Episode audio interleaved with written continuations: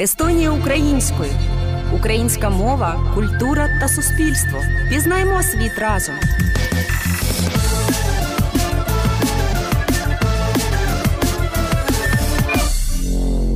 Вітаю! Це подкаст Естонія українською і в студії я Анна Бикова. У мене в гостях сьогодні Леся Рабошук, українка, власниця салону краси Джибар Талін, українська франшиза. Леся мешкає у Таліні з 2017 року. Вона народилася та виросла у місті Житомир, і у 2016 році, коли вона перебувала на восьмому місяці вагітності, а її старшому синові було півтори роки, Леся та її чоловік вирішили емігрувати з України до Естонії. Естонія привабила їх сім'ю як найсучасні... найсучасніша в Європі повноцінна електронна держава. Лесю, розкажіть, будь ласка, як ви переїхали і чому ви переїхали в Естонію? Ане, доброго дня. Дякую величезне за запрошення. Це велика честь бути учасником такої передачі.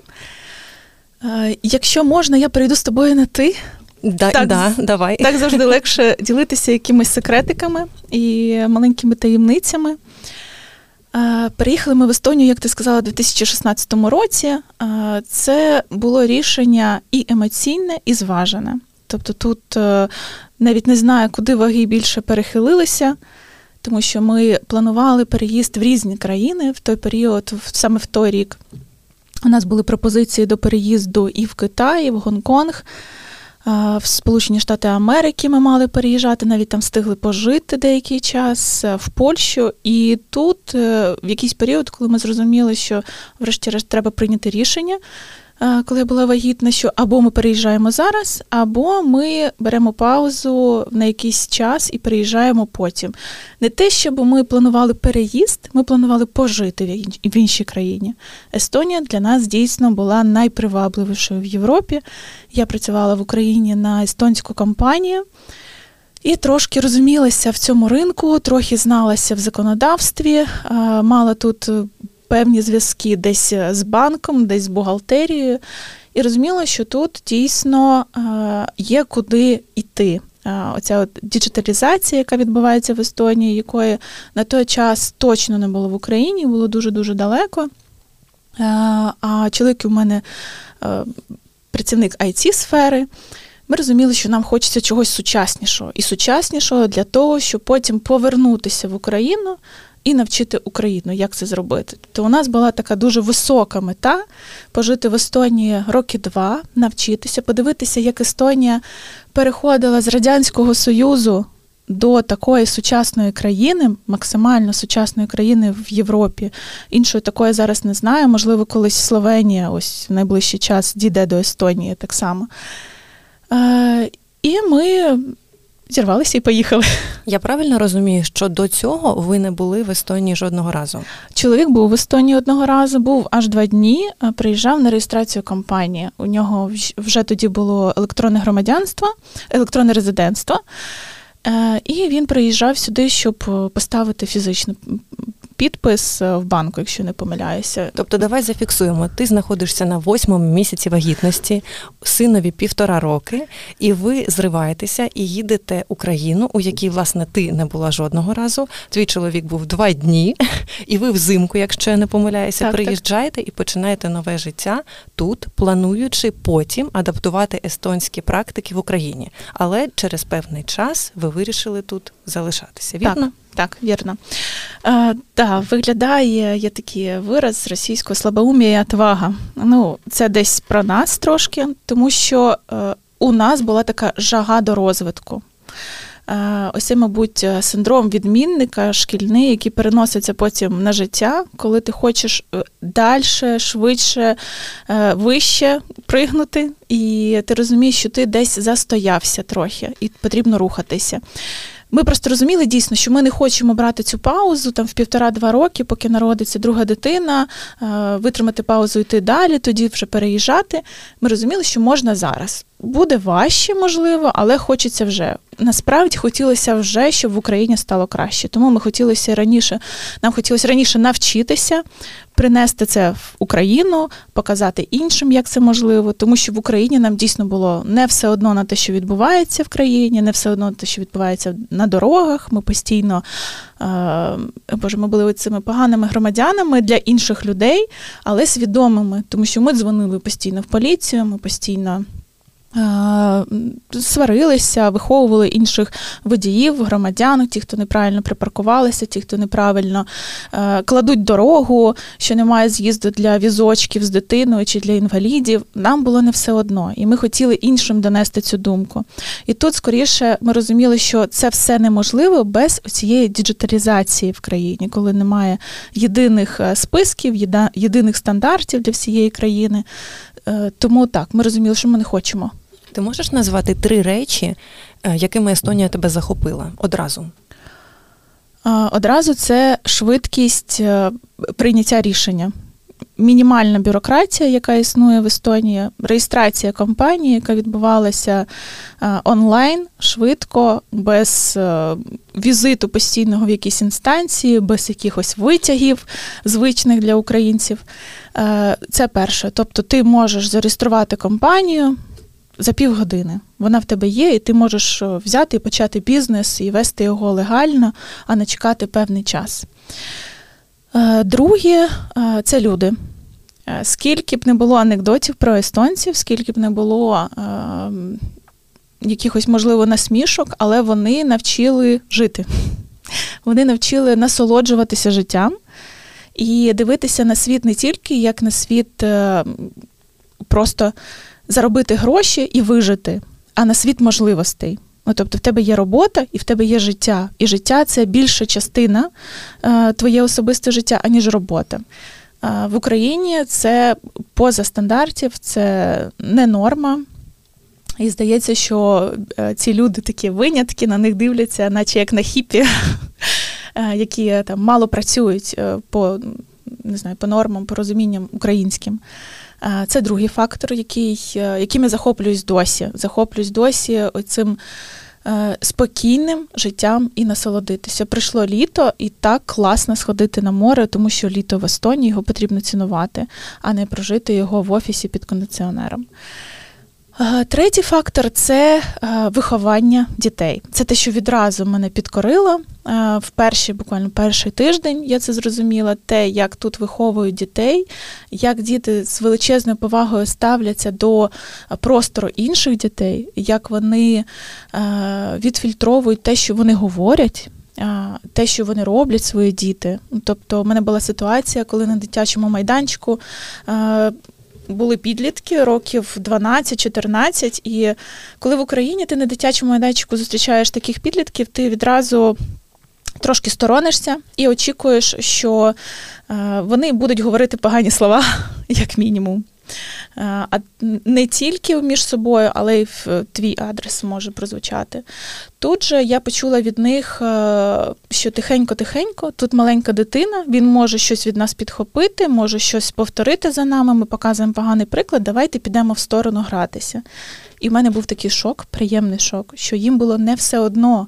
На інших їм було не все одно, що ця дитина може чогось поганого навчитися. Вони потім почали гратися з моєю дитиною. У мене був дійсно шок.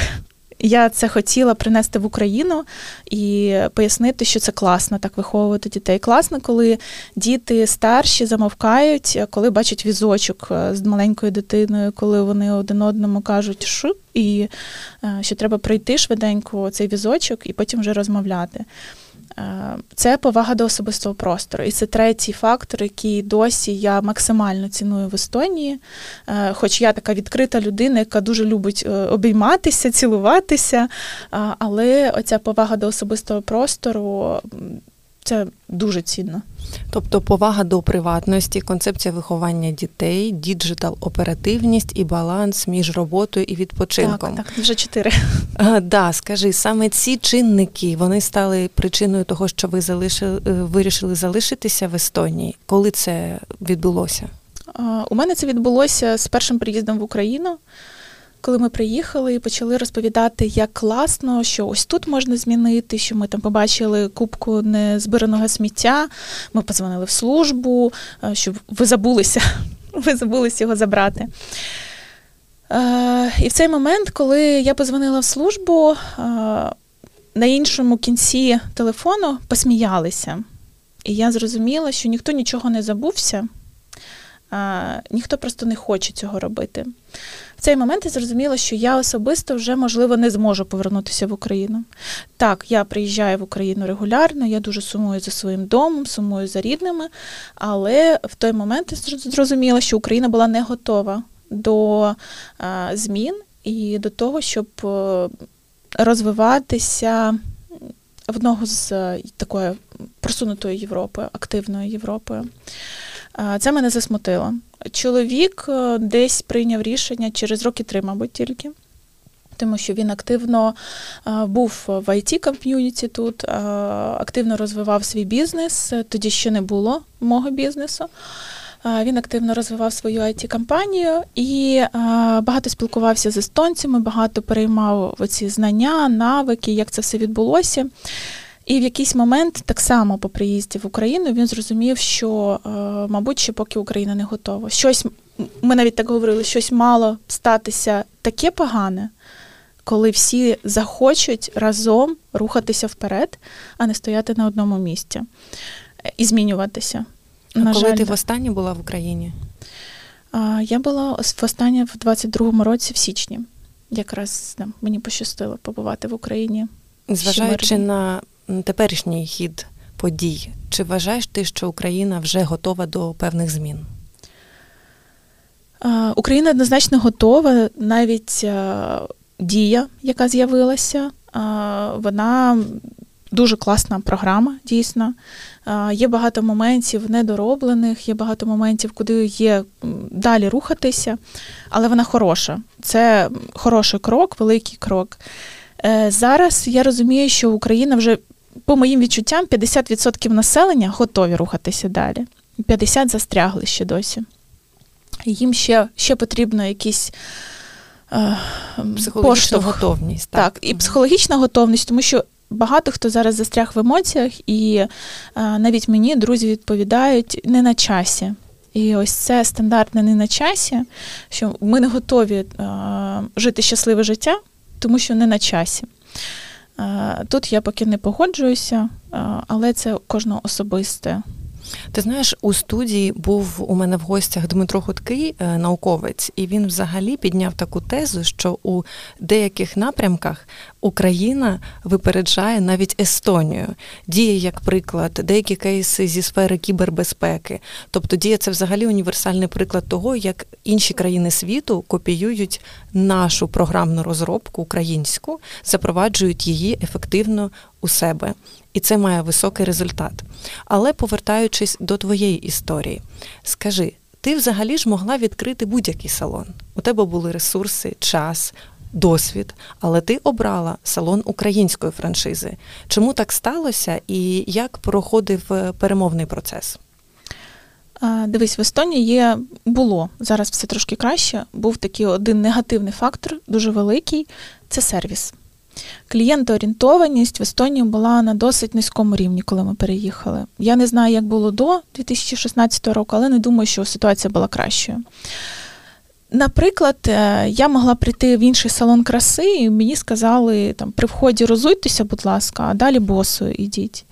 Або я могла прийти в клініку, і там не було не знаю, масок, чи е, рукавичок, чи бахіл. І мені казали, ну, а чого ви не купили?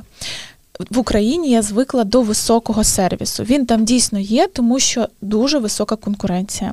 В Естонії конкуренція невисока була на той час, і оця невисока конкуренція породжувала не досить гарне відношення до клієнтів. А цінова політика при тому, якою була? Давай так. Якщо, звичайно, тут трошки вищі ціни, звичайно. Але в той самий час, якщо я буду брати зараз ринок салонів краси, то в принципі е, одне й те саме. Вона була відповідною до того невисокого сервісу або була завищеною? Ось тут ціна не мала значення. та ситуація, коли сервіс і ціна не стояли разом. Коли висока ціна, високий сервіс, ні, такого не було. Тому що я приходила в дуже дорогі салони краси або в дуже дорогі ресторани, і мені завжди могли сказати, що чогось немає. А, там, У нас немає апельсинового фрешу, а, тому що ми не купили апельсини така окей, але навпроти є магазин. І тут зараз я вже розумію, що є певні процеси, що все трошки інакше йде е, в Естонії. Але ось в Україні споживач майже завжди є винятки, звичайно, але він завжди правий. І оця от клієнтоорієнтованість і значення слова сервіс, що це служити людям. Тут це було на дуже низькому рівні. І коли навіть ми наймали працівників і казали, ви розумієте значення сервіс, що що це таке? Таке робити свою справу. Такі ні, це служити. Ви стаєте, е, ну не те, щоб прислугою, але ви услужливі. Ви намагаєтеся зробити. Слугувати і служити. Так, Тут так, у цьому так, різниця. Так. так. Ви е, не обслуговуєте, а слугуєте. слугуєте. Не служите, а слугуєте. Так, так. так, так. І ось від того, що тут оця клієнтоорієнтованість була дуже низькою, я вирішила відкрити той бізнес, який буде клієнтоорієнтований, який навчить Талін далі Естонію, як потрібно служити людям, як потрібно надавати сервіс, як це правильно, що не тільки в якості самого сервісу, там в хорошому манікюрі справа ні, а в тому, як зустріли людину, як з нею спілкувалися, які вона отримала комфортні умови цього сервісу чи некомфортні. Вибір на Джебар впав саме тому, що я там сама обслуговувалася. Я розуміла, для мене це було просто зрозуміло. Це були стандарти. Я ніколи не мріяла, відкрити салон краси. Ціль така не стояла. Я взагалі працювала в телекомунікаціях і більше в it сфері, тому для мене це було зовсім інше. Але я завжди розуміла, що є франшиза, це, начебто, готовий бізнес тобі дають, який ти вже адаптуєш. І ось цей варіант мені підійшов. Я не розглядала франшизи е, європейські, тому що в більшості європейських країн є також проблеми з сервісом і клієнтоорієнтованості. А мені хотілося саме навчити, як це буде. Тобто тут така була глобальна велика ціль, е, велична, я б навіть сказала. Мені хотілося, щоб і держава на це звернула увагу, що потрібно звертати увагу на безпеку клієнтів, те, чого, наприклад, не було в Естонії, і зараз ще досі не з'явилися стандарти безпеки для салонів краси. Е, там стандарти е, стерилізації, їх досі немає, ніхто це не контролює, як це відбувається. Для мене це було е, страшним відкриттям. Коли я зрозуміла, що тут цього немає, і мені хотілося просувати це і пояснювати клієнтам, людям, споживачам, всім, що за цим потрібно, за це потрібно боротися, слідкувати за цим. Тобто тут така була велика ціль. Підтримуючи українську франшизу, маючи салон української франшизи, ти по суті вбиваєш двох зайців. Ти і розвиваєш е, бізнес у Естонії, надаєш робочі місця, розвиваєш проект, підвищуєш сервіс, як ти розказала, і при цьому ж ти по суті платиш податки в Україні, бо частина відрахувань від франшизи вона передається в український офіс. Вірно? Так, так. Ми платимо роялті. Відповідно, з роялті вже йдуть податки в Україну. Ну і платимо податки в Естонії, звичайно. Тут ти так багато всього гарного сказала. Мені хочеться поправити корону. Е, дійсно, це е, така можливість і український бізнес, е, і Україною, частинку України сюди принести і бути душею з Україною і і в Естонії розвивати бізнес і розвивати сферу краси, не тільки краси, насправді. Ну насправді хочу сказати, що одна з цілей, чому я тебе запросила до цієї студії, це описати твій кейс, показати його як поступовий, незалежний і цікавий для багатьох українок, які приїхали. Можливо, хтось з них, хто почує нашу бесіду, вони захочуть піти до тебе на роботу, бо в Україні дуже багато в Естонії дуже багато українських майстрів, манікюру, педикюру, подологів, масажистів, угу. перукарів і багато з них шукають якісний проект, який надасть їм змогу розвиватися. І я сама насправді є клієнткою е, мережі G-Bar по всій Європі і ціную сервіс. Тобто не на правах реклами, але твій кейс заслуговує уваги. І розкажи, будь ласка, е, абстрагуючись від бренду G-Bar, Скільки треба ресурсів і яких, щоб відкрити подібний бізнес в Естонії? Якщо ми будемо брати рівень саме салону краси з там, з власним входом, з усією, з усією інфраструктурою і з бажанням зробити цей бізнес безпечним як для працівників, так і для клієнтів, і зручним, комфортним, якісним максимально, тому що тут е, і ті матеріали, які використовуються, повинні бути якісними. Це також про безпеку. Е, це немало і небагато. Е, я думаю, потрібно починати з мінімум 50 тисяч євро і, і вище тому що тут все залежить від об'ємів, захцянок, е, площі, яку буде займати салон, ну, певний бізнес. Це не менше. Чи варто шукати партнерів під такі проекти, на твою думку? Знову ж таки, залежить від е, особисто тієї людини, яка планує відкривати бізнес, чи вона готова з кимось партнеритися, тому що тут потрібно правильно розділити зобов'язання і відповідальності. Я думаю, варто, тому що коли є партнер, можна розвиватися швидше. От я зараз в пошуку партнера, тому що я хочу розвиватися швидше і розумію, що мені далі потрібен партнер, тому що ділити всю, брати всю відповідальність винятково на себе і всі зобов'язання досить важко. Важко і емоційно, і, і фінансово важко. А, Але і це довше, довше буде розвиватися бізнес. Якщо є партнер, можна все робити трошки динамічніше і швидше, навіть не трошки. А щодо тривалості розвитку, до речі, питання: скільки часу пройшло до тих пір, поки твій салон вийшов на самоокупованість? А, Давай так, самоокупованість у нас вийшла а, десь на 18-20 місяці. Е, по прогнозу, по фінансовій моделі, це мало статися на 9-му місяці. Але не сталося в зв'язку з тим, що ми відкрилися е, перед ковідом за три місяці до карантину, і далі у нас був період е, незакриття бізнесу тому що в Естонії були такі норми, коли бізнес не закривався, і е, ми працювали частково, дуже обмежено на 25%, але люди всі боялися. Перший час, перший місяць, два місяці всі боялися кудись ходити. Е, у зв'язку з тим, що оцей карантин він був досить тривалим. Е, звичайно, ми не могли розвинутися по тій фінмоделі, яка у нас була. Це було абсолютно неможливо. Хоча перші три місяці у нас були по плану. Уявімо українку, у якої, наприклад, є 50 тисяч євро, є стільки ж резервних коштів і можливість почекати 9, 10, 18 місяців до того, як проект вийде на самоокупованість. Але, припустимо, у неї немає знання естонської мови. І немає знання естонського законодавства. Чи впорається вона з відкриттям бізнесу у такій моделі? Незнання естонської мови можливе, якщо знаєш англійську мову. Якась має бути альтернатива, щоб вести переписки, ділові переписки, тому що я надаю перевагу е, вести переписку англійською мовою е, з тими, не знаю, навіть різні інспектори, вони зазвичай естонські, естонці, і я не хочу з ними спілкуватися російською мовою. Можливо, вони знають російську мову, але я не хочу, щоб мене тут визначали як російськомовну.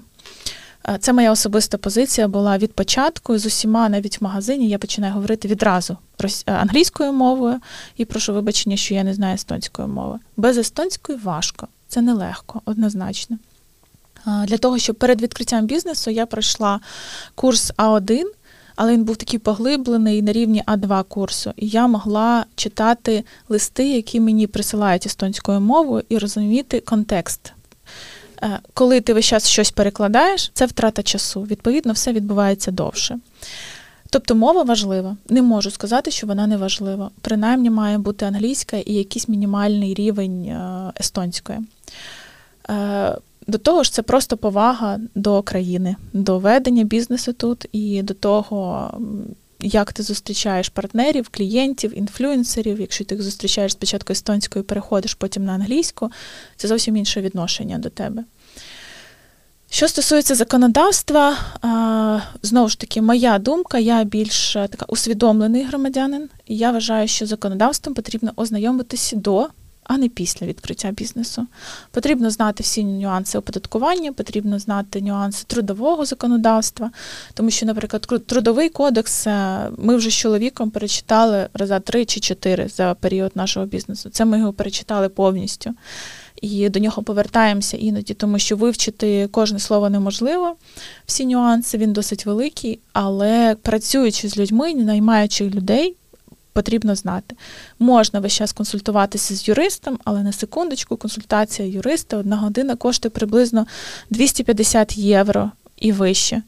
Тут потрібно зважити. Тоді мають бути інвестиції не 50 тисяч, а 150 тисяч. Враховуючи, якщо ви будете весь час наймати додатково спеціалістів, які вас будуть обслуговувати з перекладом, з юридичними консультаціями, з консультаціями по бухгалтерії, тому що просто найнятий бухгалтер не вирішить всі проблеми. Його також потрібно контролювати, і тут потрібно бути знайомим з тим законодавством, яке тут є. Тому окрім треба. складнощів перекладу, нюансів пов'язаних з бухгалтерією, законодавством і форс-мажорних обставин, наприклад, карантину, з якими ще складнощами ризикує зіштовхнутися українка, яка починає бізнес в Естонії? Складнощі з спеціалістами. Якщо наймати тільки українських спеціалістів, яких я дуже люблю, і вони дійсно висококласні спеціалісти, висококваліфіковані. Але важливо, щоб в такій компанії, яка надає сервіс, були спеціалісти, які володіють естонською мовою. Не всі українці, в більшості свої е, не знають українську на рівні Б1. А така вимога є. Тому потрібно наймати спеціалістів місцевих, які володіють естонською мовою. І ось тут є проблеми, тому що знову ж таки ми хочемо створити е, сервіс-орієнтований бізнес, але місцеве населення в більшості не сервіс-орієнтоване. І їх потрібно ламати, змінювати е, їхню свідомість і доносити, е, як працювати з клієнтами правильно. Що не можна, працюючи з клієнтом, говорити по телефону чи відповідати на повідомлення. Це дається важко. Дійсно, їх потрібно змінювати, всі зміни вони даються важко. Це перша проблема. Друга проблема, навіть не можу сказати, що це проблема, але такий нюанс, який потрібно знати і очікувати, це конкуренти, яким не дуже подобаються компанії, які інші. Ну, Тобто Джебар він інший, він дуже відрізняється. Зараз вже з'явилися Е, трохи салони, які е, так само клієнтоорієнтовані, які намагаються зробити там паралельні сервіси, якісь. Це круто. Я дуже рада, що це почало з'являтися, і я вважаю, що частково це і моя заслуга також в цьому є. Е, і ці конкуренти присилають перевірки. Е, це те, до чого я особисто не була готова. Мені здавалося, що в Європі всі добрі і е, такі готові допомогти один одному, але насправді е, ні. Насправді в бізнесі е, дуже по-тихому е, всі підсилають до тебе перевірки. Е, перші перевірки були для мене стресовими, тому що я ніколи не стикалася. Ну, Тобто до тебе приходить інспектор, який говорить тільки естонською мовою. Я не знаю естонської мови. Е, І це дійсно великий стрес. Ти не розумієш, тобі треба буде вже платити штраф, чи не треба буде вже платити штраф, а штрафи великі. Ти починаєш в цьому всьому розбиратися, потім розумієш, що це була анонімна якась кляуза. Е, і Потім уже розумієш, що так, там правда на твоїй стороні, все окей, або потрібно якісь зміни внести, наприклад, там по мовній інспекції, що там у нас досить багато різних е, слоганів на англійській мові. Їх потрібно було перекласти на естонську мову. Добре, ми це все пофіксили, все зробили. Але такі перевірки приходять дуже часто. Кожні буквально 2-3 тижні приходить на нас якась анонімна е, нова записка. Е, до мовної інспекції або й до інших інспекцій, і, звичайно, вони повинні відреагувати. Зараз ми на це реагуємо вже нормально, спокійно, тому що ми розуміємо, що у нас все добре, але якщо потрібно буде щось змінити, то ми це змінимо. Ми спокійно до цього ставимося, і інспекторам так само спокійно це все пояснюємо, дають час на зміни. Те, що от позитивне в державі, держава завжди дає певний час, місяць, два тижні, рік на те, щоб внести корективи і змінити щось. Я думаю, те, що успіх не пробачають, відомо нашій аудиторії нам з тобою. А ти підняла мовне питання, і я мушу задати гостреньке питання, але дуже важливе. Вірогідно, частина твоїх клієнтів, які є російськомовними, підкреслю, вірогідно, вони мають проросійську позицію. Як ти до цього ставишся? Зараз у нас таких немає клієнтів. Як почалась війна, ми відразу відчули за перших перших два тижні відток клієнтів. Не можу сказати, що це дуже великий відток клієнтів. Ми порахували, що це було, по-моєму, 5,5 чи 6% клієнтів. Всі вони були російськомовними. Це були наші постійні клієнти, які були громадянами або Росії, або громадяни Естонії, але які були на підтримку Росії. Вони перестали до нас ходити. Ми навіть зробили, е, зателефонували е, частині цих клієнтів і запитали, що в них все добре, що ми їх чекаємо. Е, всі вони досить виховані, і всі сказали, що, вибачте, в силу політичних обставин ми тепер до вас не можемо ходити. Такі відповіді були. Ми раді, що вони так відреагували. Це було прекрасно. Ми раді, що нам не потрібно було виясняти відносини на території простору Джибару. Це все відбулося досить пом'якшено, нормально, адекватно. Деякі з цих клієнтів повернулися і навіть вибачилися за те, що вони підтримували іншу сторону. Тобто у них прийшло зміна їхнього сприйняття ситуації. Це також позитивний фактор. Я щиро е, бажаю е, усім естонським бізнесам, щоб їх клієнти, які мали колись проросійську позицію, пішли по цьому кейсу і також усвідомили як насправді все відбувається, і приносили свої вибачення на всіх рівнях. Е, Лесю, я дякую тобі за нашу бесіду. У нас в гостях була Леся Рабошук, українка, власниця салону краси Джибар Талін. У студії працювала я, Анна Буйкова. Це був подкаст Естонія українською, перший подкаст Рузделфі, який виходить виключно українською мовою. Нагадую, що на сайті Рузделфі ви можете прослухати наші попередні випуски. Наш проект відбувається за підтримки фонду інтеграції інтеграції Естонії. До нових зустрічей. Естонія українською.